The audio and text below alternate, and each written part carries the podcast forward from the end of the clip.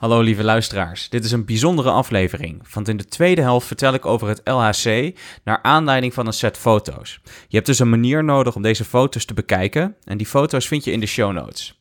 Nu verder met de aflevering. Na het publiceren van de vorige aflevering over het standaardmodel kreeg ik wat vragen over wat het LHC nou precies is. Toen realiseerde ik mij dat ik eigenlijk helemaal niets had uitgelegd over de Large Hadron Collider. In deze bonusaflevering bel ik met Krijn Soeteman en leggen we kort uit over wat het LHC doet en vertelt Krijn daarna over zijn tour aan de hand van een set foto's waarvan je een link vindt in de show notes.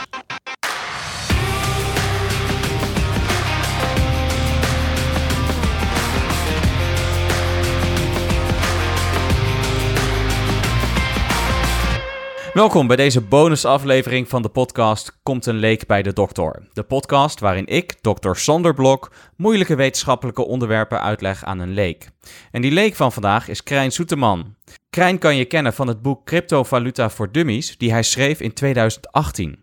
Verder is hij wetenschapsjournalist en was hij eind 2019 op bezoek bij het LHC van CERN in Zwitserland, waar hij ook een artikel over schreef voor Tweakers. Maar sterker nog, Krijn was de vorige aflevering ook al te gast bij Komt een Leek bij de dokter. Krijn, leuk dat je er weer bent. Ja, Sander, leuk om er weer te zijn. Ja, leuk. Op ja, een andere wijze in dit geval. Op, weer op een andere wijze. Het is wel... Uh, tot nu toe is elke aflevering met jou uh, weer een... Uh, ja, iets nieuws te proberen. Vorige keer was ik bij jou op locatie. En nu uh, bellen we in via, via Skype. Ja, dat kan gelukkig ook. Stiekem neem ik wel uh, dit ook op, hè. Dat uh, hadden we verteld, of hadden we nog niet verteld. Want mijn microfoon is natuurlijk niet zo prachtig. Oh ja, ja ik, ik, ik hoor jou, ik, ik ben jou hier niet aan het, aan het opnemen, alleen mijn stem. Dus ik hoop dat we die twee daarna mooi bij elkaar kunnen plakken. En dat we dan een leuke aflevering overhouden. Anders dan wordt het nogal een vreemd monoloog die we aan het houden zijn. Ja, ik geloof dat ik toch echt zie dat mijn microfoon opneemt. Dus ja, daar gaan we er maar vanuit, hè? Ja, ja, ik ook, ik ook. Goed. Ik was ook bezig met het, uh, het afmixen van de vorige aflevering en het was al echt een hele lange aflevering. En ik kreeg achteraf wat vragen van, hé, hey, maar Sander, je praat eerst een kwartier over het, uh, over het LHC met allemaal in-crowd knowledge enzovoort. En ja, verder vertel je helemaal niet wat het nou precies is. Dus ik denk van, nou, laten we het daar even over, uh, over gaan hebben. Misschien is het leuk als jij eerst eventjes kort wat vertelt over ja, wat het LHC precies is. Een beetje in, in lekentaal. En dan kan ik dat misschien aanvullen. Nee, het, het LHC is, uh, is ooit opgericht um, door in, in Europa met het idee om de toen net uit oorlog uh, gekomen uh, nazistaten op een andere manier te verbinden dan alleen maar te verbinden via geldstromen, dat soort dingen. Wetenschap moest een, een verbinder zijn. Ja, je bedoelt nu CERN toch trouwens? Ja, CERN, ja sorry. Ja. Uh, ja, we hebben, je hebt natuurlijk CERN, dat is de organisatie uh, die tegenwoordig gewoon zo heet, maar vroeger uh, elektro, atomiek. Nee, een ja, Franse, Franse afkorting, ja. Uh, inmiddels is hij niet meer in gebruik, maar het heet nog wel steeds CERN. En de Large Hadron Collider, zeg maar de deeltjesversneller, om dus onderzoek te doen aan die deeltjes, waar je veel meer over kunt vertellen dan ik. Um, is het laatste hele grote project geweest van CERN. De deeltjesversneller um, heet de Large Hadron Collider en bevindt zich in een buis van 27 kilometer omtrek onder de Franse en uh, Zwitserse uh, ja, landen. Ja. Ongeveer 100 meter diepte. Ja, en het gave is natuurlijk om te bedenken dat dat, dat ding zo ingesteld is dat, er, um, dat hij zo min mogelijk last moet hebben van de omgeving. Er zit ook een hele stevige aardlaag. Um, oh, ja. Maar als er een TGV overkomt, moet dat wel meegenomen worden in de berekeningen, want die geeft toch wel een storing, zeg maar. Oh ja, ja, dat kan ik me ook wel, uh, wel voorstellen. Uh, voorstellen. Want deeltjes is natuurlijk super klein en je wil natuurlijk heel erg nauw uh, die banen onder controle houden. En ja. daarvoor wil je natuurlijk ook die, ja, die trillingen onder controle houden. Maar even kijken, dus wat je zegt is, CERN is dus het instituut en LHC is een van die projecten van het instituut. Ja, klopt. Oké, okay, oké. Okay. En ja, dus, dus het LHC, Large Hadron Collider. Een hadron, ik weet niet of ik zeg maar heb uitgelegd in de vorige aflevering wat een, wat een hadron nou precies is. Een hadron is eigenlijk een, een combinatie van, van drie quarks. Dus uh, bijvoorbeeld een proton, dat zijn goed, in de vorige aflevering had ik het uh, paraat, maar volgens mij twee up quarks en een down quark. En een neutron zijn dus twee down quarks en een up quark. Uh, en beide zijn vormen van hadronen. Dus als je drie quarks bij elkaar voegt, dan heb je een hadron. En in het LHC knallen we uh, waterstof-ionen op elkaar. En dat zijn eigenlijk gewoon protonen. En een proton, nou, dat bestaat ook uit drie quarks. Dus een proton is ook een hadron. Dus eigenlijk had je het volgens mij net zo goed de Large Proton Collider kunnen noemen. Ja, maar volgens mij kun je ook iets andere dingen versnellen in deze versneller. Ja. Dus uh, ja, dat zou dan weer lullig zijn voor de andere onderzoekingen die gedaan kunnen worden. Ja, nou, volgens mij worden er dus ook, uh, ik weet niet, loodatomen tegen elkaar geknald, dacht ik. Of in ieder geval een ander soort atomen. Ja. Maar ja, dan heb je dus een, ja, een, samen, een, ja, een ander atoom. Dat zijn dus, uh, ja, volgens mij zijn het dan vooral atoomkernen. Dus dan strip je daar alle elektronen vanaf uh, van een atoom. En dan hou je dus de, de kern over. En ja, dat bestaat natuurlijk ook uit hadronen. Maar een atoomkern is zelf niet een, een hadron. Net als dat uh, bijvoorbeeld de Millennium uh, Falcon van Lego niet een Lego-blokje is. Maar ja, een ensemble van Lego-blokjes. dus ik weet ook niet of het dan ja, nog klopt om te zeggen Large Hadron Collider. Maar ja. Ja, dat is, dat is een mooie discussie die uh, kun je met mij gaan proberen te voeren. Maar ik denk dat ik toch ergens afhaak. Ja. Ja, nou ja, goed. Um, maar ja, we, een van de belangrijkste dingen die we daar volgens mij doen, is ja, gewoon heel erg hard protonen op elkaar knallen. En ja, misschien is het een, een goed idee om ja, het ook te vertellen waarom we dat nou precies doen. Ja. Um, en in de, in de vorige aflevering vertelde ik ook, of stelde jij ook de vraag van, ja, hè, wat zijn nou die andere deeltjes nou precies? En ja, waarom zien we die dan niet? En dat komt, komt er dus dat, ja, die andere deeltjes, dat zijn ook gewoon uh, dus de, de tweede en de derde generatie, dat zijn ook gewoon deeltjes, maar die zijn zo ongelooflijk zwaar dat je heel erg veel energie nodig hebt om die te maken. En in onze dagelijkse uh, uh, ja, omstandigheden ja, komt dat gewoon eigenlijk niet voor. omdat het niet, niet heet genoeg is. De energie, de gemiddelde energie van de deeltjes is niet heet genoeg om, nou ja, Taus en, en, en Charm en Strange Quarks te produceren. En daar heb je dus hele hoge energieën en temperaturen voor nodig. En wat we dus doen in, in een deeltjesversneller is dus deeltjes versnellen tot een ja, hele hoge energie. En die dan heel erg hard tegen elkaar aanknallen. En wat je dan doet is je concentreert dus heel veel energie in een heel klein punt. Hè, door die, die botsingen van die deeltjes. En doordat je die energie zo geconcentreerd hebt, kan je daar dus die hele hoge energetische nieuwe deeltjes maken. Dus daar in die botsingen worden dus allemaal nieuwe deeltjes geproduceerd.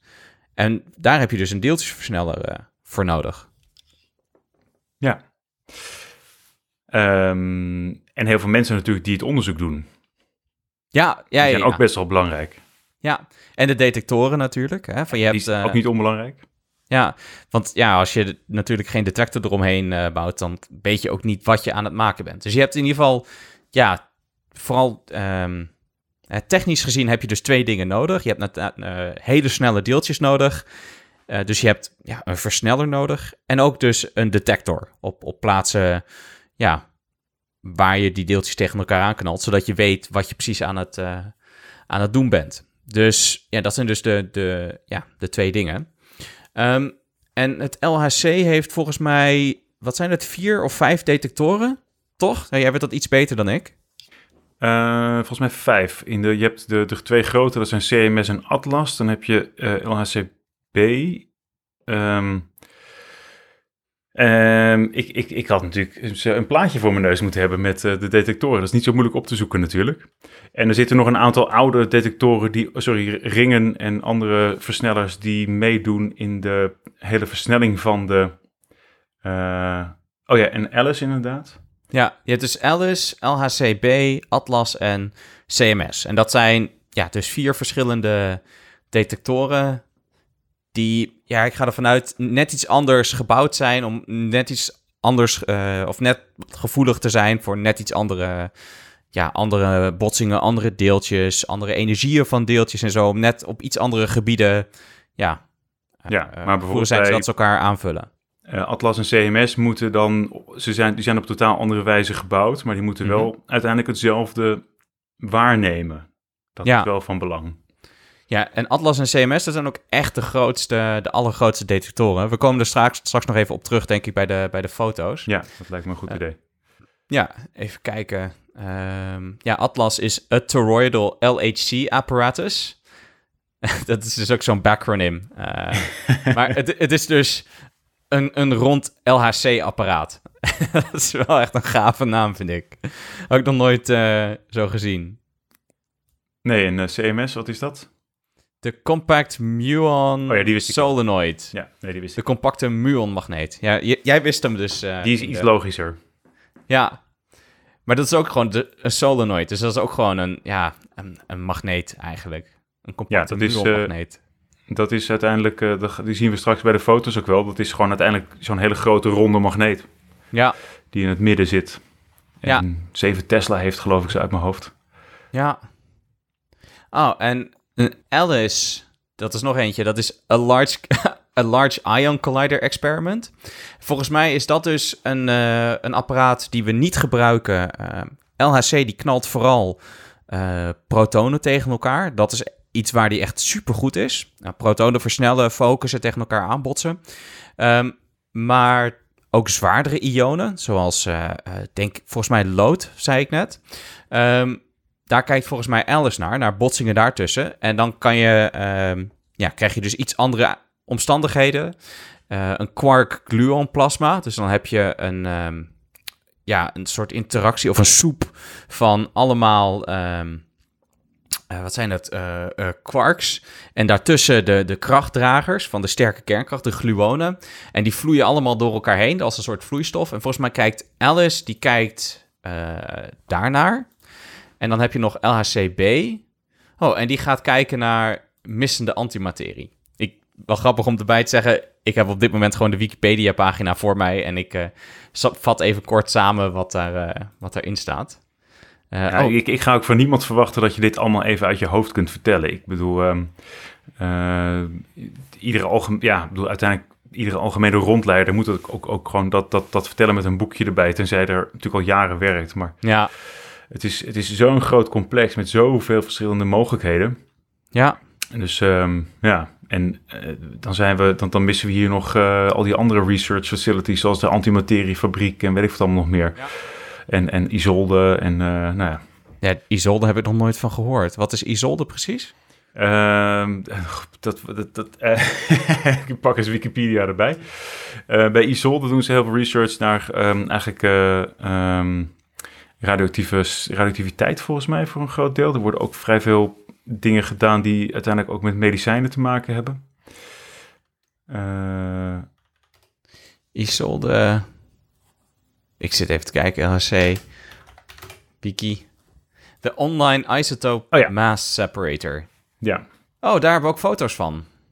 ja, dat is de allerlaatste waar ik geweest ben. Eh, maar toen was, waren we inmiddels natuurlijk de hele dag rondgeleid. En dan ben je, toen stond ik uit. Toen was ik geestelijk, ehm, ja, het is heel spijtig, maar zo is, gaat zoiets dan met zo'n hele Ja. drukke dag.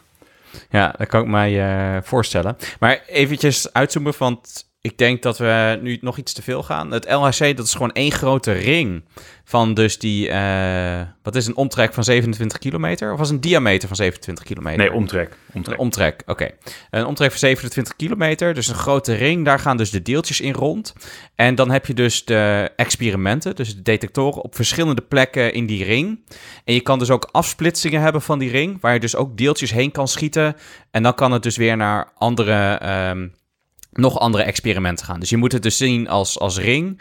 En op, in, in die ring heb je eh, de vier experimenten die we net hadden, hadden genoemd. En dan heb je dus volgens mij nog een afsplitsing voor de, naar de antimateriefabriek. En nog een afsplitsing naar, de, naar Isolde, waar je dus ook ja, deeltjes heen kan, eh, heen kan schieten. Dus dat is dan een, eh, een afsplitsing ervan. Ja, klopt helemaal. Ik heb net dus verteld wat het LHC precies is en waarom we een deeltjesversneller nodig hebben. Ehm, en nu wil ik een beetje ingaan op wat we nou precies nodig hebben om een deeltjesversneller te bouwen. Dus hoe bouw je een deeltjesversneller?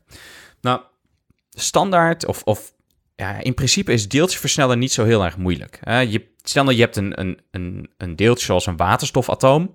Nou, wat je dan kan doen is je kan de elektronen daar vanaf eh, strippen op een of andere manier. En dan hou je een proton over. En een, een proton is een geladen deeltje. Dus dat betekent dat als jij een, een elektrisch veld zet uh, over, een, over een proton, of je zet ja, een proton in een elektrisch veld, dan ga je direct al een kracht zetten op die lading en ga je dus dat proton versnellen. Dus dan heb je al een deeltjesversneller gebouwd. Um, dus gewoon een hoogspanning zetten over geladen deeltjes, dat is al een deeltjesversneller. Een, een cathode ray tube, zo'n oude beeldbuis, dat is een, een voorbeeld daarvan, waarmee je met hoogspanning ook deeltjes versnelt naar het scherm. En daar heb je dus een, uh, een reactie waardoor het, het scherm oplicht. Dus een, een, een ouderwetse beeldbuis is gewoon eigenlijk een, een tabletop particle accelerator. Ja, ook gewoon een deeltjesversneller. Ja, en het is aan de ene kant heel fijn dat ik nu uh, gewoon uh, ja, mooie platte schermen heb. Maar ik vind eigenlijk technisch gezien een cathode ray tube, gewoon een, een, een deeltjesversneller op je, uh, op je bureau. Dat, weet niet, dat is, dat is wel echt heel gaaf eigenlijk, als je het zo bekijkt. Ik heb daar in het verleden nog wel coole dingen mee gedaan. Ik werkte ooit bij de wetenschapsquiz van de VPRO toen nog. Oké. En als, ja, als proefjes maker. En toen moest ik ooit een lifter maken. En hadden we zeg maar dus die, um, de, de hoogspanning nodig uit een oude monitor. Ah. Die waren toen gelukkig nog alomtegenwoordig, maar dat was erg tof om mee te spelen inderdaad. Ja, dat kan ik mij, uh, mij voorstellen. En wat je dan natuurlijk ook kan doen, is je kan die. Uh, hè, dus wat je doet, is je versnelt dus eerst de deeltjes. En met een cathode ray tube, dan versnel je elektronen in plaats van protonen. En die kan je ook afbuigen door er een uh, elektrisch veld overheen te zetten. En dan kan je bijvoorbeeld kiezen om ze meer naar links of naar rechts te schieten, of meer naar boven of naar beneden. En in een cathode ray tube scan je dus die elektronenbundel, die scan je langs je raster van pixels. En dan kan je uh, met nog een extra signaal, um, kan je de intensiteit van je elektronenbundel harder of zachter zetten. En zo kan je dus kiezen of je individuele pixels, op het moment dat je daar langs gaat scannen, in meer of in mindere mate oplicht. En zo kan je dus een beeld bouwen. Eigenlijk wel super ingenieus, hè? Ja. Als je erover ja, nadenkt. Ja, het is echt heel vet. Dat je gewoon, ja, je hebt gewoon een elektronenbundel die scant echt super snel. Um, de Slow-Mo Guys, die heeft daar een, een, filmpje over gemaakt. Maar kijk, kijk, die, kijk die link. Ik zet even in de, in de show notes. En dan kan je zien dus hoe een CRT-monitor zijn beeld opbouwt. En dat is echt lijntje voor lijntje. En dat is heel tof om te zien. Maar ja, je, je buigt dus je, ja, je, je deeltjes af, of je versnelt dus de deeltjes en daarna kan je ze afbuigen. En in een ja, standaard deeltjesversneller is het niet zo heel erg anders. Wat je doet is je versnelt deeltjes met een elektrisch veld. En met de huidige technologie van deeltjesversneller buig je ze af. Um, niet met elektrische velden, of misschien ook een klein beetje met elektrische velden, maar dat doe je hoofdzakelijk met magnetische velden. Van als je een um, een geladen deeltje in een magneetveld zet, dan gaat hij ook een kracht ondervinden afhankelijk van welke kant hij op beweegt. Um, en dat kan je ook zien als je ooit een keertje een uh, magneet bij een CRT-monitor hebt gehouden. Dan kan je zien dat ja, je beeld verandert. En dat komt doordat je je elektronenbundel aan het lenzen bent. Je hebt ja, een elektromagnetische lens zet je erop, waardoor je dus je, je bundel uh, ja, afbuigt. Ja, exact wat gebeurt in de LHC om die bundel uh, de goede kant op te krijgen. Ja, ja dus dat is ook wat er, wat er gebeurt. In een van de allereerste generaties, dan uh, deelversnellers, dan heb je eigenlijk gewoon twee magneten boven elkaar. Um, en die twee magneten die verdeel je onder in, in twee helften. En wat je dan doet, is je brengt dus een geladen deeltje in, in de ruimte tussen die twee platen. En dan zet je afwisselend een, een spanning, of een, een positieve en een negatieve uh, spanning, op de linker en de rechterhelft van die twee platen. dus je hebt twee platen uh, boven elkaar en die verdeel je in de twee helften. En dan afzonderlijk zet je een, een, een, uh, een positieve spanning op de ene helft en een negatieve spanning op de andere helft. En dat wissel je steeds om. En wat er dan gebeurt is dat nou, dat proton dat je bijvoorbeeld in die, in die deeltjesversneller hebt gebracht, die wordt eerst aangetrokken tot de ene helft, maar daarna wissel je de spanning om en gaat die, wordt die aangetrokken tot de andere helft. En ondertussen zet je een magneetveld op en dat betekent dat hij in een, uh, in een kringetje gaat lopen. En wat nou leuk is, is dat als jij dat uh, magneetveld constant houdt, dus je zet er gewoon een standaard, ja, een constant magneetveld op, dan blijkt dat de, de tijd die dat proton nodig heeft om een rondje af te leggen, die blijkt onafhankelijk te zijn van de energie of van de snelheid die dat deeltje heeft. En dat komt omdat als hij harder gaat, dan legt hij ook een grotere baan af. Maar die baan is evenveel groter als dat de snelheid groter is. Dus hij heeft evenveel tijd nodig om die grotere afstand af te leggen.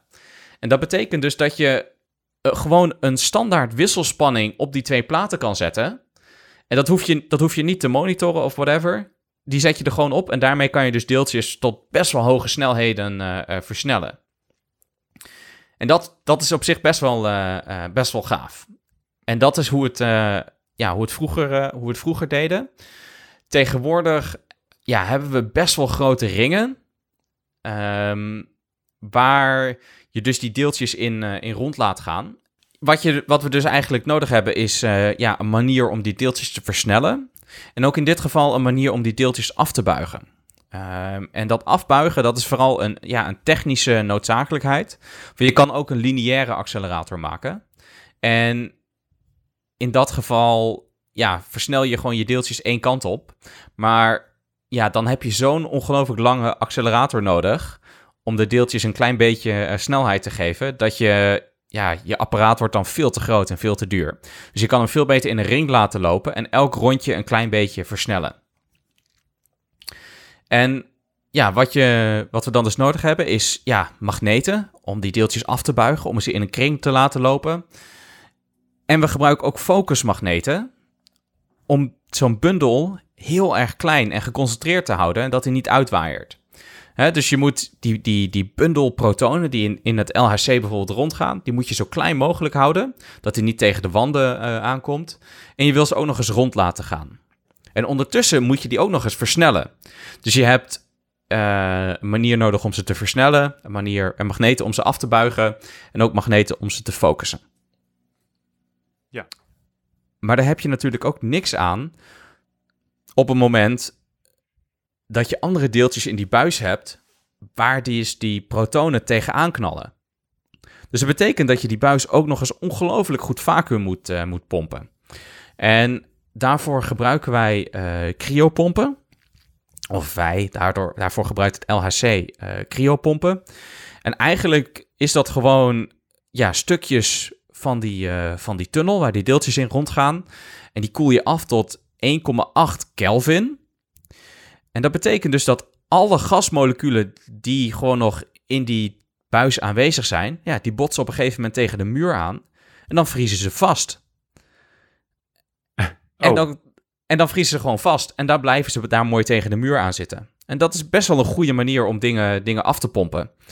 Ehm, en ja, dat gas dat, ja, dat vriest daar gewoon vast en dat gaat niet meer terug je buis in. En dat blijft dus toch wel plakken aan die dus wand. extreem vacuüm. Ik had nooit beseft dat, de, dat dat vacuüm ook te maken had met de temperatuur. Nou, ook. Er zijn meerdere pompen in. Uh, je kan natuurlijk nooit uh, vanaf atmosferische druk in één keer afpompen uh, met cryopompen. Omdat je dan gewoon veel te veel gas hebt. En ja, dat, dat is gewoon niet te doen. Dus je wil dat eerst gewoon ja, een goed pre-vacuüm hebben. Dus dan ga je af, uh, afpompen tot, ja, in, in de vacuümtechniek uh, hebben we het over millibars. Dus dat betekent, ja, een, een millibar is een duizendste bar. En dat is dus een duizendste van atmosferische druk. Ja. En ja, met een, een, een gewone uh, uh, membraanpomp. Dus dat is eigenlijk gewoon je huistuin- en keukenpompje. Kan je afpompen tot nou ja, 1 millibar of een tiende millibar of een honderdste millibar. Nou, daarna zet je er meestal wat turbopompen op. En dat zijn eigenlijk gewoon turbinemotoren. Um, die draaien gewoon heel erg hard rond. Dan moet je denken aan 500 tot 1500 hertz. Dus per seconde draaien die heel hard rond. Gewoon turbinemotoren. Um, in dit geval redelijk kleine.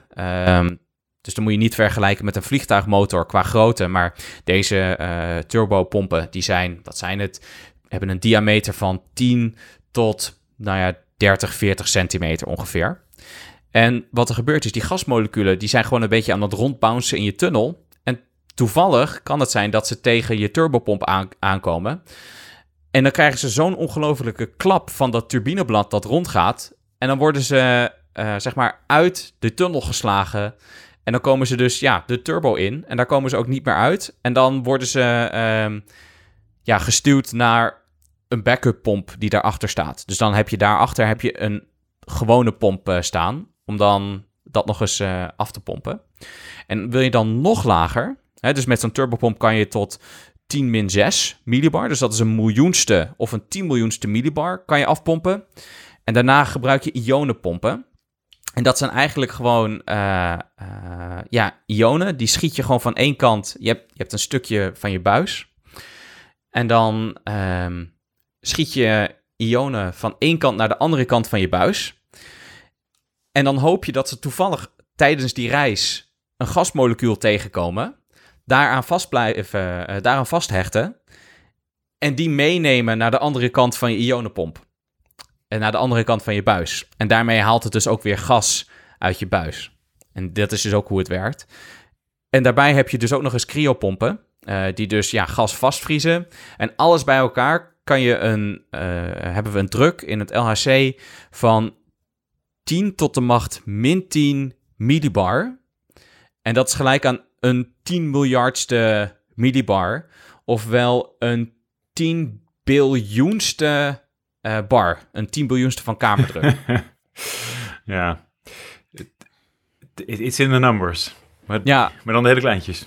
Ja, dus je hebt een ongelooflijk lage druk. Die kan je vergelijken met de, de druk die bijvoorbeeld op de maan is. Hè, dus zoveel gas is er op de oppervlakte van de maan. Uh, dat is echt, ja, dat is echt heel, erg, uh, heel erg weinig. Ja. Um, goed, en ondertussen heb je ook... Uh, dus dat heb je nodig om een deeltjesversneller te bouwen. En wat je dan doet in het LHC is we laten één bundel linksom gaan en de andere bundel rechtsom. En dan focus je die um, en die laat je dan botsen. Die focus je dan op elkaar, laat je dan op elkaar botsen bij de vier detectoren. Um, en daar knal je ze op elkaar en kan je dus zien wat er dan uh, precies gebeurt. Ja, bij de paar deeltjes die botsen van de 100 miljard per bundel of per, uh, ja, per setje. Ja, want ja, dat is belangrijk om te zeggen. Um, je probeert ze wel te focussen op een heel klein stukje. Maar uh, protonen zijn echt super klein. Dus dat betekent, ook al focus je, je ze op een heel klein stukje, alsnog botsen er maar een paar uh, van alle protonen die rondgaan. Die botsen dus per event dat daar uh, gebeurt. Of nou ja, event. In het LHC focus je de protonen tot kleine bunches. Dus dan heb je ja, gewoon een paar bundeltjes, of een, een, een klein, ja, wat, hoe zal ik zeggen? Um, ja, letterlijk, uh, het, het, wordt ook bundel genoemd gewoon. Ja, het, het zijn eigenlijk kleine pakketjes, um, ik geloof 2500 per richting of in totaal, maar ik geloof per richting. Ja. Um, en die pakketjes worden dan, ik geloof 20 nanoseconden achter elkaar of zo, ja. rondgestuurd. En, en die, ja, die zijn dus, ik geloof een lengte van dat je moet denken aan iets van 20 centimeter of zo. En ja. in die 20 centimeter zijn er 100 miljard protonen samengepropt. Ja, en, en die zijn dus ook gefocust in de, in de diameter ja. van, ik ga ervan uit, dat is uh, millimeters, ja. uh, of tiende millimeters. Ik, ik geloof I, I, vier, maar of het nou 4 millimeter of 4, dat weet ik even niet uit mijn hoofd. Ja. En, en het doel, zeg maar, is, uh, en dan nog, zeg maar, dan heb je 100 miljard van die dingen en dan botsen ze nog bijna niet. Hè? En dat is ook ja. het hele lastige. Ja. Of ze schampen elkaar. En, ja. en, en dat, wat, wat me daar verteld werd, is de opvolger van de LHC heet de High Luminosity uh, Large Hadron Collider. Dat, dat is wel ik dezelfde vind dat ring. zelf niet. Ja, ja, het is niet echt een opvolger, het is meer een upgrade. Ja, het is een upgrade. Sorry, de opvolger is de, is, is, uh, heet, heet ook anders.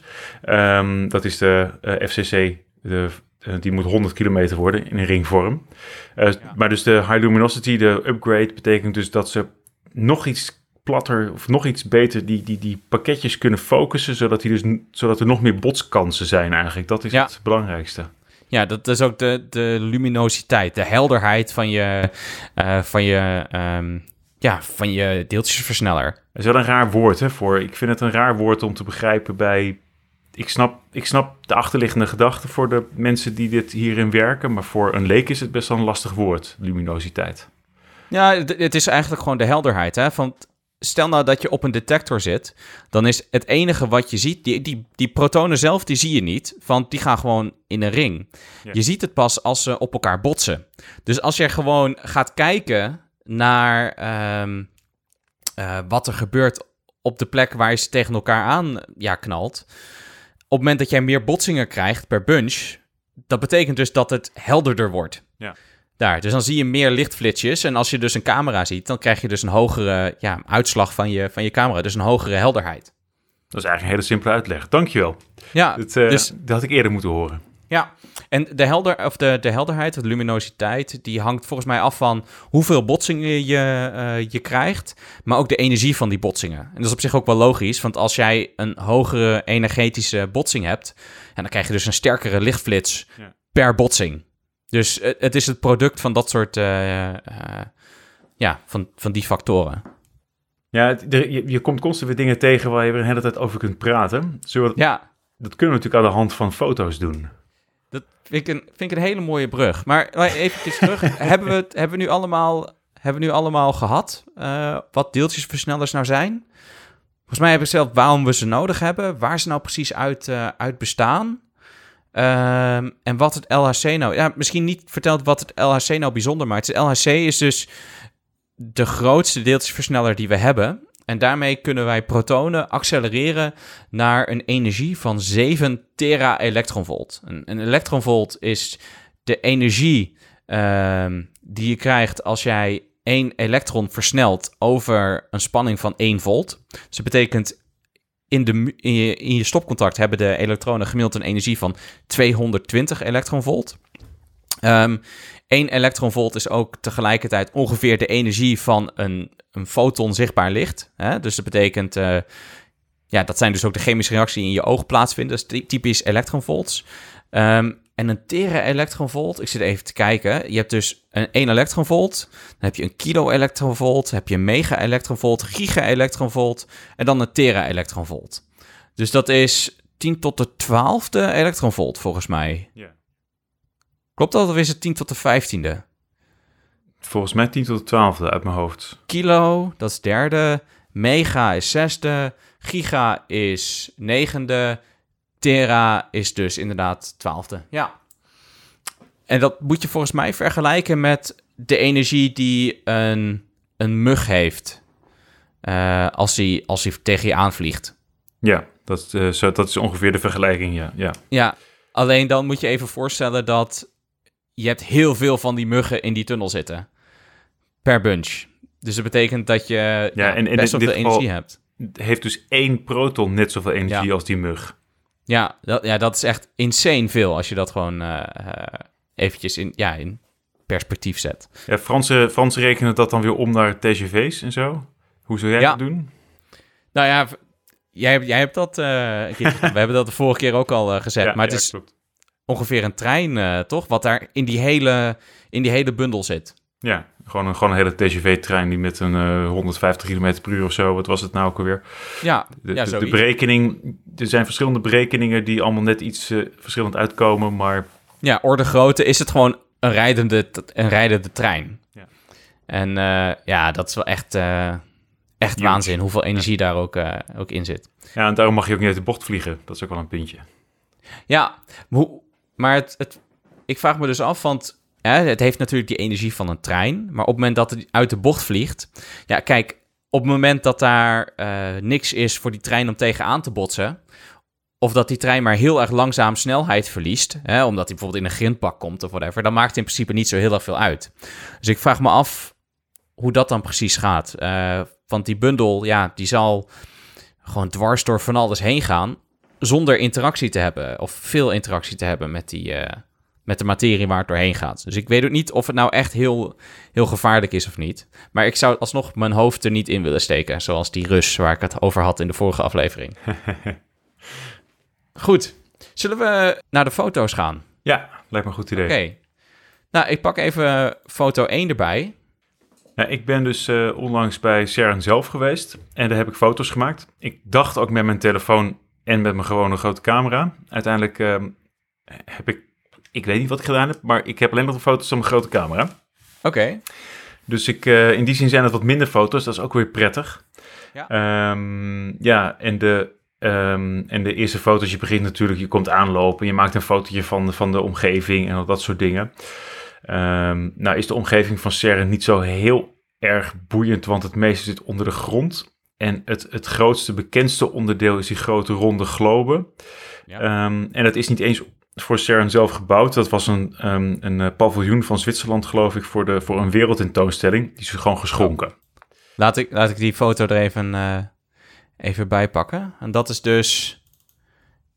Dat is dus gewoon foto 1, zoals we hem hier zien. Oh, dat kunnen we wel foto 1 noemen. Ik- Hij is ook eh, raar belicht, een beetje, beetje wazig. Maar goed, dat is een, een, houten, een houten stelling. Ja? Ik dacht altijd dat het metaal was, maar als je dichtbij bent, blijkt het gewoon hout te zijn. Oké. Eh, dus het is een houten gebeuren. En daarin zit een... Universe of Particles. oh ja, en jij zit nu te lezen wat er op, eh, op dat kunstwerk staat ja. ervoor zitten. Nee, op de, wat erachter staat, eh staat Oh, daar. Universe of Ja. Particles op. Maar goed, sorry, ik onderbrak je. Oh, dat maakt niet uit. En, en binnen is gewoon een, ehm, een, een, een, een, ja, zeg maar, een soort van ehm, ehm, ruimte die je kunt vergelijken met een planetarium. En dat is vooral heel donker. En ik moet zeggen, ik vind dat soort plekken nooit zo heel boeiend eigenlijk. Nee. Want je komt bij CERN niet daarvoor. Maar aan de andere kant, als je daar natuurlijk gewoon komt als toerist ehm, en je weet het eigenlijk niet, dan is het misschien helemaal niet zo gek om daar gewoon eerst langs te gaan. Ja. Eh, want het wordt natuurlijk wel gewoon uitgelegd. Eh, aan de andere, aan de overzijde, dat heb ik geen foto's van, heb je een, ehm, een bezoekerscentrum waar je beneden in de kelder, eh, dan wordt uitgelegd hoe CERN werkt en hoe het functioneert. Ja. Eh, dat is ook wel een aanrader om langs te gaan. Dat wordt gewoon goed, goed eh, uitgelegd. Maar goed, dan, eh, daarna zijn we doorgelopen naar de kantine, want je moet toch eerst even lunchen. En als je uit de kantine komt, staat er in de tuin eh, staan allemaal oude ehm bellendetec- bellenapparaten en dat soort ja, allemaal ja andere... een, een ne- nevelvaten of Nevelvaten, bellenvaten. Cloud chambers of... dat is het Bumble chambers. Dat Ja. is fo- foto 2. Ja, volgens mij is dat een, eh, een, een, een, een nevelvat of een, nee, bellenvat volgens mij. Ja. Ehm, maar dat is van onderen gefotografeerd met toevallig het buitenlicht er van de bovenkant nog een beetje doorheen. Dus het ziet er heel vaag uit. Ja. Maar ehm, dat Misschien is... even leuk om uit te leggen wat een, wat een bellenvat nou precies is. Ehm, ja, ik zei net, voor een, eh, een deeltjesversneller heb je dus de versneller nodig en de detector. En een bellenvat is een van de allereerste detectoren. En, en wat je doet is, in een eh eh, bellenvat heb je een vloeistof. En die breng je eigenlijk zo goed als aan de kook. Dus je warmt die op tot een temperatuur waarbij die hoort te koken. Maar dat doe je dan onder zo'n omstandigheid dat hij eigenlijk niet gaat koken. Dus dan krijg je dus een soort superkritische eh, vloeistof. Dat is net niet de hele, de, de, de juiste term, maar zo kan je het zien. Want een, een vloeistof heeft eerst een, eh, heeft een punt nodig om te beginnen met koken. Ehm, en wat er dan gebeurt is, als je daar een deeltje doorheen schiet, wat er dan gebeurt is die vloeistof op, op de, die, die gaat zeg maar eh, ja, op de plek waar dat, waar dat deeltje doorheen gaat. Dan wordt die vloeistof verstoord en daar begint hij te koken. Vandaar dat het een bellenvat is. Vandaar ontstaan dus allemaal belletjes. En je kan dus zien, eh, als je daar dan gewoon een foto van maakt, dan zie je dat er allemaal belletjes gegenereerd worden. En dan weet je van, oh, dit moet eh, zo'n deeltje eh, geweest zijn. Van je kan bijvoorbeeld zien, ehm, ja, loopt hij in een kring of ja, en daar kan je dus eigenschappen aan, eh, aange- aangeven. En met een, dus een, ja, een bellenvat, dus, dus met een vloeistof, die breng je bijna aan de kook. Je hebt ook een, ehm, een nevelvat.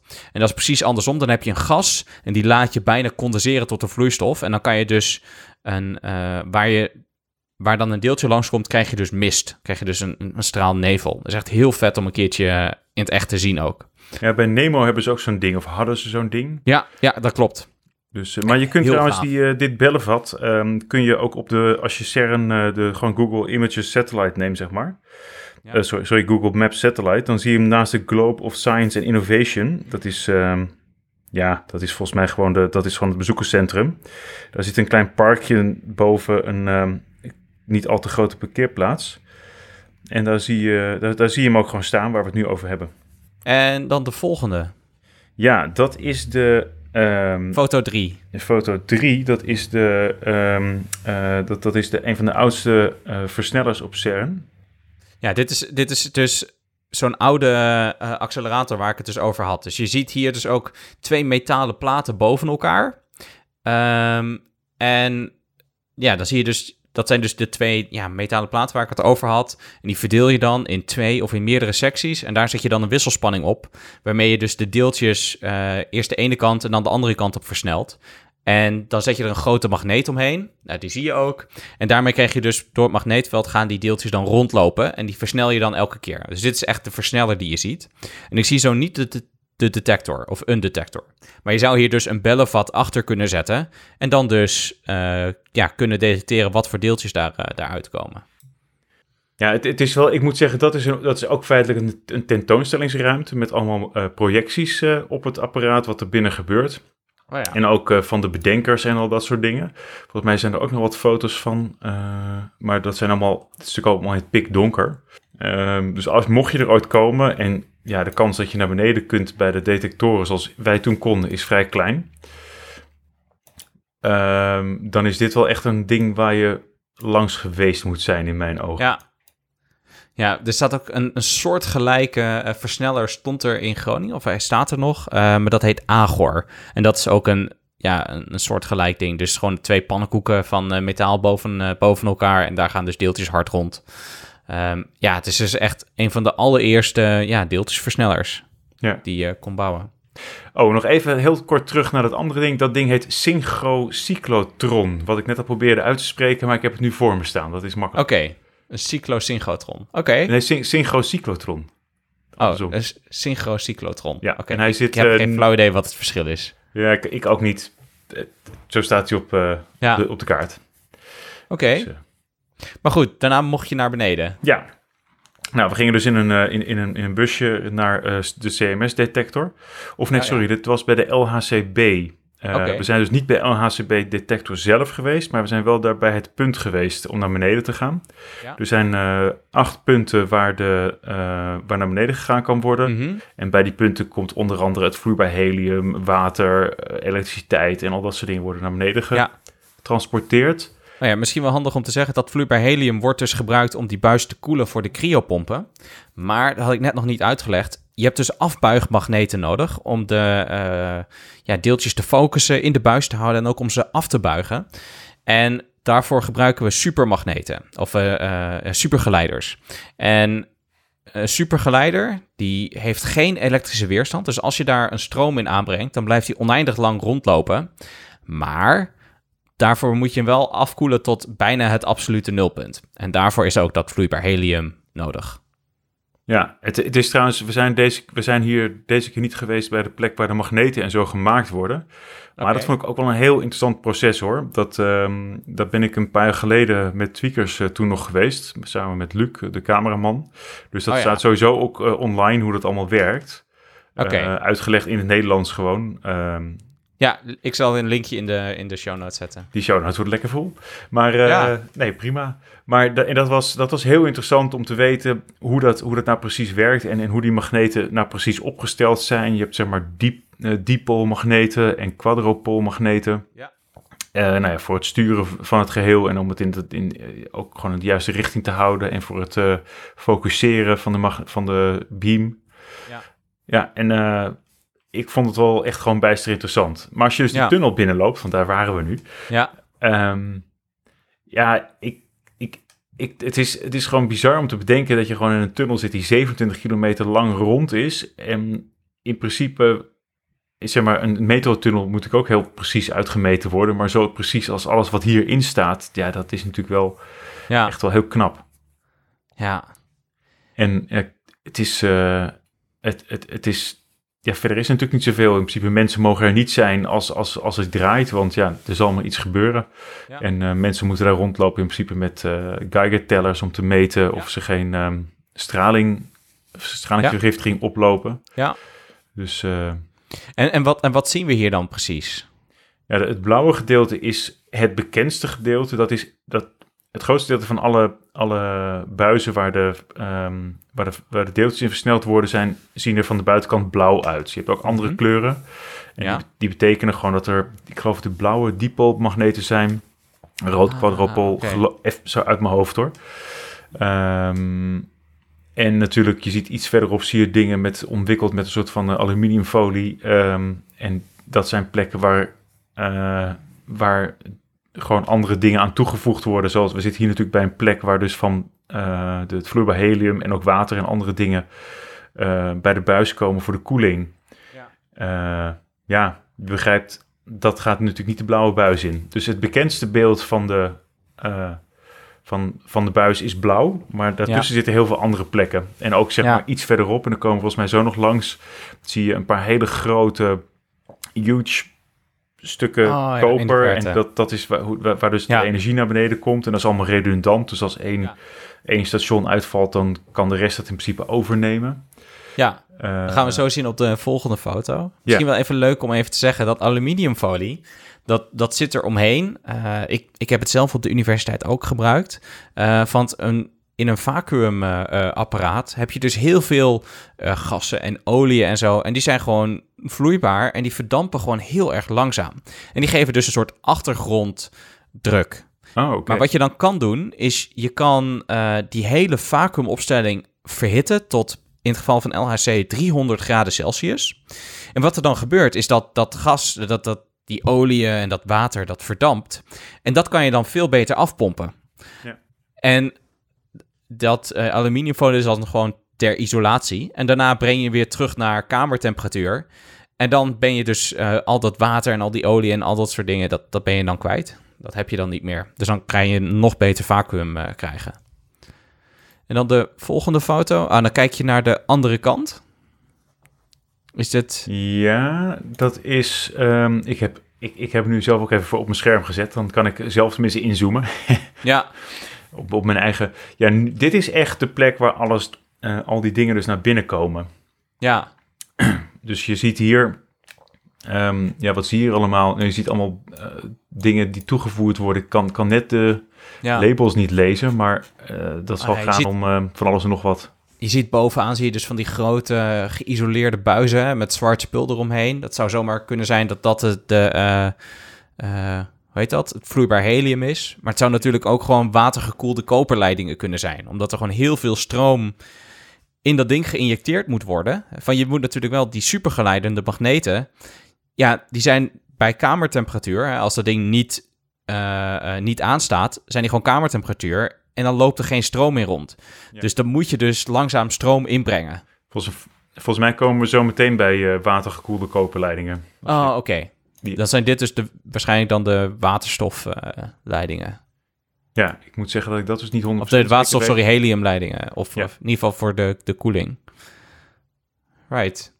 Maar ja, dan komt het dus van, van boven, hè, via een groot, uh, groot gat, van bovenaf komt het naar beneden richting die buis. Ja, en hier zitten ook de kikkermagneten en zo, volgens mij. Ah, dat zijn dus die gele dingen. Dat geloof ik wel.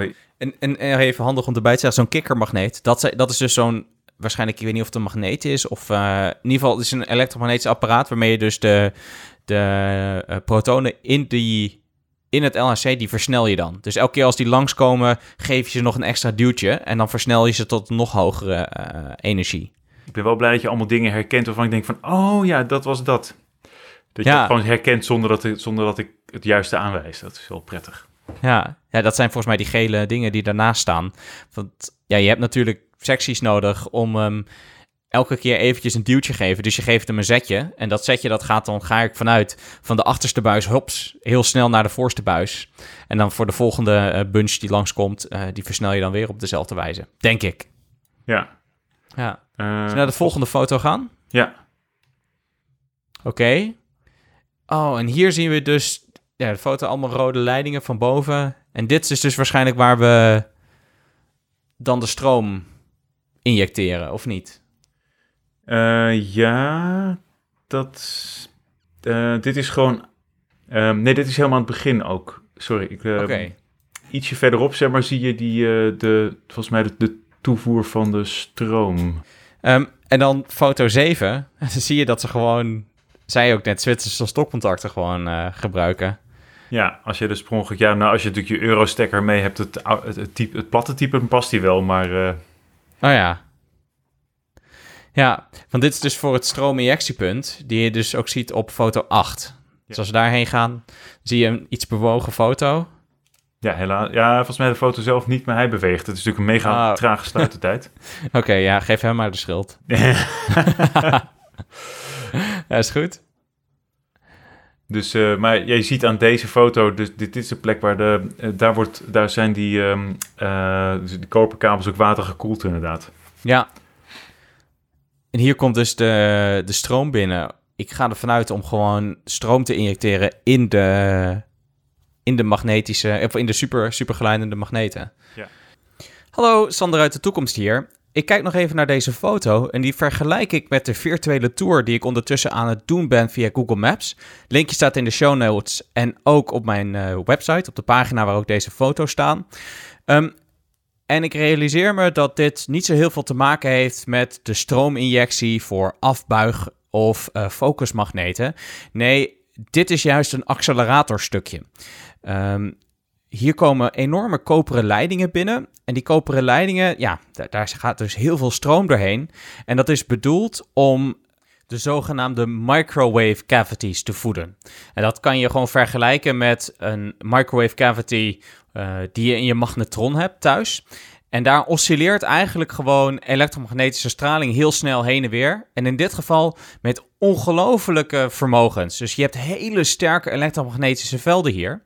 En die oscilleren heen en weer met zo'n frequentie dat ze precies die protonenbundels die langskomen, ja, een zetje geven op het moment dat ze langskomen. En daar heb je natuurlijk heel veel vermogen voor nodig. En vandaar deze sterke eh, of grote koperleidingen.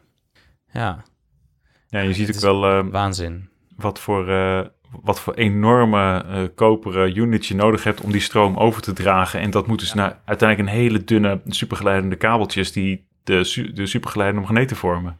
Ja, Ja, dat is waanzin hoor. Als je, als je beseft hoe groot de stromen zijn die in die, die supergeleidende dingen rondgaan, dat ja, ja. Ja, honderden tot duizenden amperes is dat. Dat is echt insane veel. je kunt dat gewoon niet voorstellen. Dat, dat kun je niet maken zonder supergeleiding. Dat is Ja, fysiek ja, gewoon... eh, Het kan wel. eh, en ze doen het volgens mij ook in dat eh, High Field Lab in Nijmegen. Ehm, alleen daar moeten ze dan, zeg maar, wat is het, zes badkuipen aan waterkoeling per seconde of zo doorheen stuwen. En dat gaat er dan in bij 10 graden. En dan komt er dan met 40 graden komt het eruit. zo. Dus, en dan kan je het nog, nog hogere magneetvelden eh, eh, eh, doen. Dat kan niet meer met supergeleiders. Maar dan moet je de, daar moet je dus aan denken. Dus dat is echt insane, ja, insane veel energie dat je bespaart door supergeleiders te gebruiken in plaats van gewoon koper. Ja. Ja, zullen we gaan naar foto, eh, eh, foto 9? Yes. Ehm, dit is een stuk buis. Da daar zitten geen magneten omheen. Mhm. Dat hoeft dus niet altijd. Dit is gewoon Nee. recht. Ehm, wat ze hier verder Ja. dan kunnen doen, weet ik even niet precies.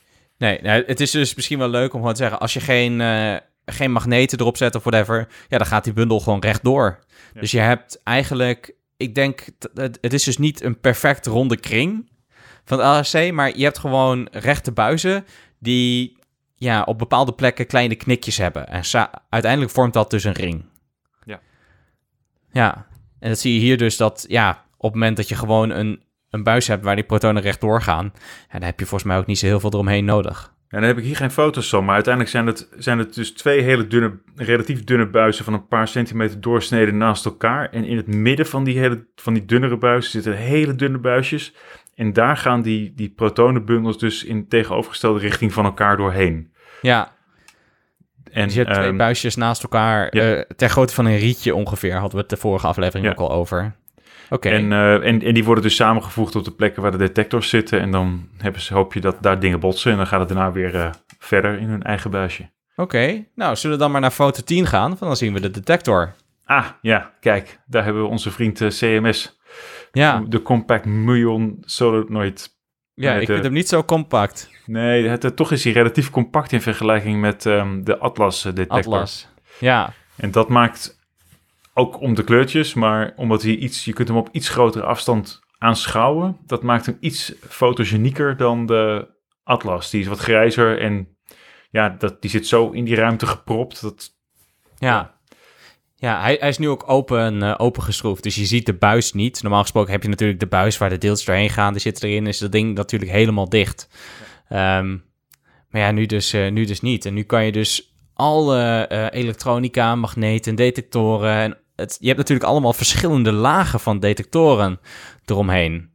Um, dus elke laag heeft volgens mij een net wat andere uh, gevoeligheid. En die is dus bedoeld om net iets andere uh, eigenschappen of net iets andere deeltjes te detecteren. Um, en uiteindelijk voeg je dat samen tot, nou ja, de data die je hebt over de botsing ja. die plaatsvindt in de detector. Dus je zet dus, je laat die uh, deeltjes, die protonen in dit geval, op een bepaalde plek botsen. En juist op die plek zet je dus een detector eromheen. Ja, ja precies, uh, precies dat. En ik heb geen foto geloof ik van het hele dunne buisje, maar er zit helemaal in het midden een super dun buisje waar er gebotst wordt. En um, dat is iets wat ook vervangen wordt sowieso deze keer, omdat... Uh, maar ja, je ziet ook aan de, aan de mensmaat ernaast. Ja. mensen in de hoek daar. Uh, ja, ik bedoel, je ziet aan het hoofdje wel hoe groot het is direct naast, die, uh, naast dat aluminiumfolie, zeg maar, onder ja. HERBX01. Ja. ja, dat is echt insane. En ik denk ook dat je dat uh, ziet bij de volgende foto. Dan zien we het van de andere kant. Dit is, de, dit is Atlas, hè? Oh, oké. Okay. Nu gaan we direct door naar de andere detector. Dus en foto 11 zie je dus uh, Atlas. Ja, dat uh, is een, um, die is ook echt veel groter. Uh, ik geloof dat die 34 meter hoog is. Damn, dat is echt insane. Dat of, is ja. 34, dat is uh, of, of 24 meter hoog en dat zou je even moeten bekijken. Dat heb ik ergens maar je kan het, Maar je kan het dus ook wel zien aan die trappetjes ervan uitgaande dat elk trappetje zeg maar een verdieping is, dan heb, zie ik hier al 1, 2, 3, 4, 5, 6 verdiepingen. Ja, hij, hij, past, hij past niet in, het, uh, in de grote zaal van het Paleis op de Dam. Ja, en dat is, ja, dat, dat is al. een van de allergrootste zalen uh, uit die tijd. Uh, qua, ja, en dat, dat past dus niet. Daar is hij gewoon te groot voor. Ja, waanzin. En hier zie je ook dat kleine buisje in het midden. Die zie je dus met groot plakband eromheen. Ja, insane ook. En volgens mij op de volgende foto, dus als we naar foto 12 gaan, dan zie je hem waarschijnlijk van de andere kant. Uh, dit is inderdaad de, dit is ook weer een uit elkaar geschoven detector. Dit is uh, Atlas dus nog steeds. Um, ja. Ja, en uh, al die, um, die detectoren zitten natuurlijk allemaal gevat in, in mooie casings eigenlijk. En die zijn dus, dus over elkaar heen ge, geplaatst, zodat, ze dus, zodat je dus nooit een geen deeltje mist in principe. Ja. Oh ja, nu zie ik het ook inderdaad. Ze zijn allemaal net iets anders, uh, anders gelegen. Op een iets andere, ja, andere positie. Ja. En dan kunnen we ook even naar boven kijken in foto 13. En dat is dus volgens mij de buis hoe je dat ding naar beneden kan brengen in onderdelen. Ja, dat past niet in één keer, nee. Dat, uh, maar het is, uh, dit is in principe 100 meter onder de grond. En de, ja, omdat het ding natuurlijk zo hoog is, ik, ik durf niet ik denk dat een schatting is dat, uh, dat die buis van boven naar beneden iets van 50, 60 meter is. Ja, uh, ja je ziet ook die reling, uh, zeg maar, dat, dat groene, dat, die groene catwalk, zeg maar, waar je nog overheen kan lopen. Nou, daarvan kan je er, dat is het 10, 20 boven elkaar plaatsen wel. Ja. Dus, en die buis die loopt helemaal door tot boven de grond. En je ziet dus ook, het, het plafond, dat is ook dan op uh, op zeeniveau, zeg maar, of niet? Ja, op Zwitser zeeniveau. Ja, oké. Okay, dus niet op zeeniveau, maar dat is dus, ja. zeg maar, de begane grond. Dus dan heb je gewoon een buis van uh, 70 meter hoog. Ja, zoiets inderdaad. Vol, ik, volgens, mij is het, uh, de, volgens mij is die hal zelf 40 of 50 of zo. Dus ik denk dat het 50 meter of 50 meter is. Ik weet niet helemaal precies, maar... Dit is wel echt insane, hoor. Dit, ik, ik denk, dit moet je gewoon in het echt zien. Dit is echt waanzin. Klopt, en je kunt hier helemaal geen foto's van maken. Het is, het, het, ik denk van, oh, maak foto's zo. Maar uiteindelijk dan zie je terug op je scherm en denk je, ja, ja nou ja, foto, ja, ja leuk. Want hiervoor moet je ook echt recht omhoog kijken. Ja. Goed, en als we nou naar foto 14 gaan... Haha, dit is heel iets anders. Wat denk jij wat het is? Um, eens even te denken. Dit is, denk ik, een afsplitsing van het LHC. Dus we hebben net de detectoren gezien. En dit is een afsplitsing. Daar gaat dus een gedeelte van de bundel heen en daar kan je er ook iets mee doen. Dus dit is een kleiner experiment. En ik weet niet precies wat het is uh, vanaf deze foto. Ja, dit is het uh, antimaterie-experiment. Dus hier heb je geen versneller, maar juist een vertrager. Ah, oké. En, daar, um, daar knal je dus de, de, de bundel op iets anders, waardoor je antimaterie krijgt. Ja, eens in zoveel tijd wordt er een uh, plukje bundel deze kant op gedirigeerd vanuit een van de Lirac, van een van de eerdere versnellers volgens mij. Dat kun je oh, ook wel mooi dus, zien op dat plaatje. Dus deze gaat ook niet vanuit de grote LHC, maar vanuit nee, een nee. ander gedeelte. Je had net een plaatje toch voor je met zeg maar de, alle detectoren en daar kun je in principe in zien wat waar vanaf afsplitst. Oh, oké, ja. Dus, uh, maar goed, dit is het, het, leuke van dit experiment vond ik. Ik had er zelf nooit van gehoord. Er heeft onlangs een uh, artikel gestaan in de NRC. Um, geschreven door een van mijn collega's over dit experiment zelf. Uh, dit was, um, hier zijn we vrij snel doorheen gegaan. Uh, en het is heel, ik vond het heel interessant, maar ik, het was voor mij zulke nieuwe materie. Haha. Maar, ja. pun intended. Maar um, dat ik er, dat het, voor mij was het gewoon echt totaal nieuwe informatie.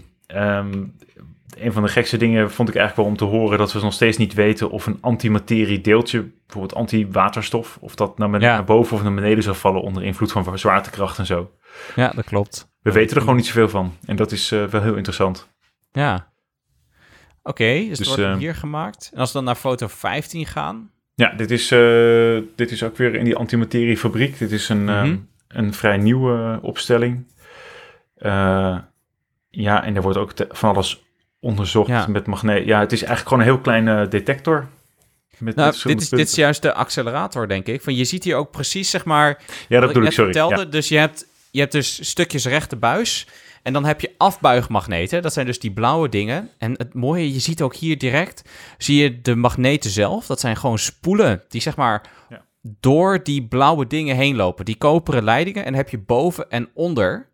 En ja, die zijn dus in zo'n vorm gemaakt dat het magneetveld binnen die spoelen perfect, uh, uh, perfect één richting op staat. En ook allemaal precies even sterk is overal. Ja. Um, en volgens mij is dat een.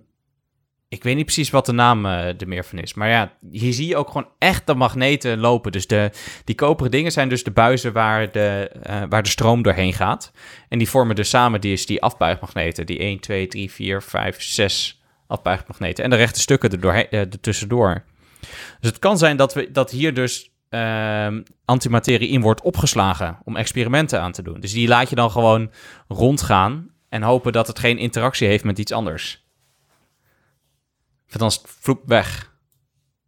Uh, ja, dus wat ik net zei van um, als je zoekt bij uh, zeg maar NRC en dan antimateriefabriek, um, dan zie je een stuk van Dorine Schenk en dat gaat er helemaal over. Dus die leggen Linkje heel... in de show notes.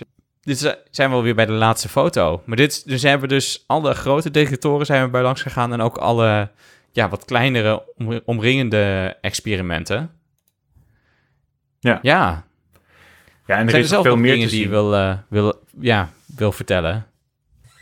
Um, ja, als je de mogelijkheid hebt om er naartoe te gaan. Um, en als je de mogelijkheid hebt om naar beneden te gaan. Um, en je kunt niet, en iemand anders zou wel kunnen, dan moet je gewoon die persoon zeggen van ga in mijn plaats, want dat is gewoon super vet. Ja. Het is wel echt een, uh, ja, dit, dit, ga, dit, dit doe je niet een paar keer in je leven of zo. Want in principe mag je bijna nooit naar beneden. Nee. Um, wat bijvoorbeeld niet op deze foto staat, is de, de ruimtes eromheen, zeg maar, alle dataverzameling. Ja. Wat ook een enorme installaties zijn uh, aan, aan opslag en verzint allemaal maar. Ja. Uh, en al die, die, die uiteindelijk natuurlijk waarom het internet ooit opgezet is om ervoor te zorgen dat wij uh, al die data zo snel mogelijk elders kunnen verwerken. Waarin ja. Nederland heel belangrijke plek altijd heeft ges ja. rol heeft gespeeld bij Surf Sarah in Amsterdam. Hmm. Ja, en dat is wel handig, uh, uh, of leuk om even erbij te vertellen, dat er wordt heel erg veel data gegenereerd. En uh, er wordt zoveel data gegenereerd eigenlijk, dat je dat niet kan verwerken. Dat, ja. Daar is gewoon niet genoeg opslag voor. Dus het betekent dat er zelfs al, zeg maar, op het allerlaagste niveau data wordt weggegooid en wordt geselecteerd. Dus er zijn gewoon hele simpele FPGA's uh, die zo geprogrammeerd zijn om heel erg snel, dan komt er een, een, een, botsing en dan beslist die FPGA afhankelijk van ja, bepaalde eigenschappen, of die data wordt gebruikt of weggegooid. Of dat überhaupt mij doorgestuurd wordt naar de eerste tier, zeg maar. En dan of het überhaupt nog opgeslagen wordt. Ja, Ja, klopt. dus het is echt van de, ik weet niet, volgens mij één van de duizend botsingen of zo wordt pas, wordt maar gebruikt. Om dan zeg maar al direct te kunnen selecteren eh, dat je heel gevoelig bent voor, nou ja, waar je wel in geïnteresseerd bent. Ja. Ja, ja Dus- joh, heel gaaf. Dus er zijn, we- we- eh, ik ben de vorige keer ook geweest in de plek waar dus het, het eerste datacentrum, waar ook, ehm, waar eigenlijk het allereerste stukje internet is opgezet. En dat is een datacentrum wat nu niet meer zo zou ingericht worden, maar ja, dat is ook ik, in een, gewoon een beetje een oude loodsachtige omgeving. En dan, dan, dan zie je dat en dan denk je, oh, hier is het begonnen. Dit was het allereerste stukje internet. Ja, En ja, dat is ook allemaal daar. En je kunt ook ehm, eh, die oude Next Stations eh, volgens mij zien in een van de tentoonstellingsruimtes waarmee dus die internet eh, dingen ooit zijn opgezet. De alleroudste netwerkkaarten die daarvoor gebruikt zijn, waarbij zeg maar de, de hoofden van de makers van de netwerkkaarten of de bedenkers van de systemen er op, ook opgeprint zijn. Want ach, zo'n netwerkkaart is zo duur, waarom print je er dan niet gewoon een stukje hoofd bij? Dat soort eh, grappen. wauw. Dit is echt, dit is echt gewoon een nerd walhalla dus. Gewoon voor, voor, Ja. voor alles. Dus voor natuurkunde, voor IT, gewoon... Dat, Ja. dat is daar gewoon. Alles is, er is zo ontzettend veel begonnen daar. eh, en er ligt zoveel geschiedenis. ehm, eh, ook over, to- toen we hier nog aan het emmeren waren, over telefoonlijnen. Of dat wel internet toe mag laten, enzovoort, enzovoort. Dat komt, is allemaal daar begonnen, al die vraagstukken. Ja, Ehm, dus een heel belangrijk onderdeel van ons leven, ons huidige dagelijks leven, is, vindt zijn oorsprong in de, in, in, in de CERN. om verder te komen bij CERN. ja, Dus ja, zo. kudos. Ja. ja. Ja, nou, dat is wel een perfect moment gewoon om daarop te eindigen. Dat is gewoon, ja... Ja, heel vet. Heel vet. Oké.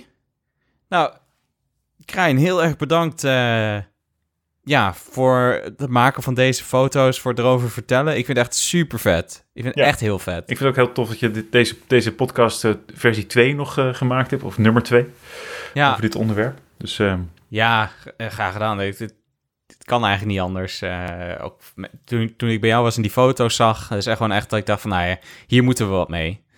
Dus eh, ja, Krijn, dankjewel. En dan zijn we alweer aan het Geen einde dank. van de, van de podcast. Eh, dit was Komt een Leek bij de dokter.